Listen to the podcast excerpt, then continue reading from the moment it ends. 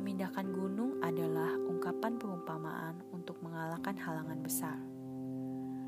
Maksud ayat ini adalah iman yang kuat mampu melakukan apa yang sepertinya mustahil, karena orang yang beriman mendapat kekuatan dari sumber ilahi. Tuhanlah yang memindahkan gunung. Kita hanya perlu iman sebesar biji kecil.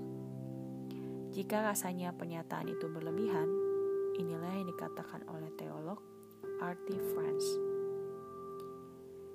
Adalah penting untuk diperhatikan di sini bukan jumlah iman yang membuat kemustahilan ada dalam jangkauan, tetapi kuasa Tuhan yang ada bahkan dalam biji terkecil. Saya suka itu.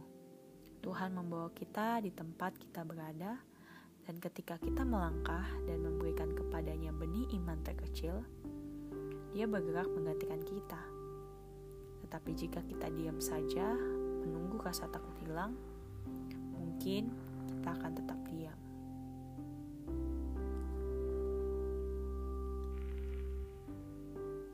Tuhan sedang bergerak walau kita tidak bisa melihatnya.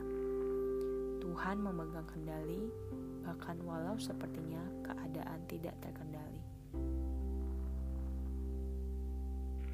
Fear. Fall on your before him. Earnestly seek him.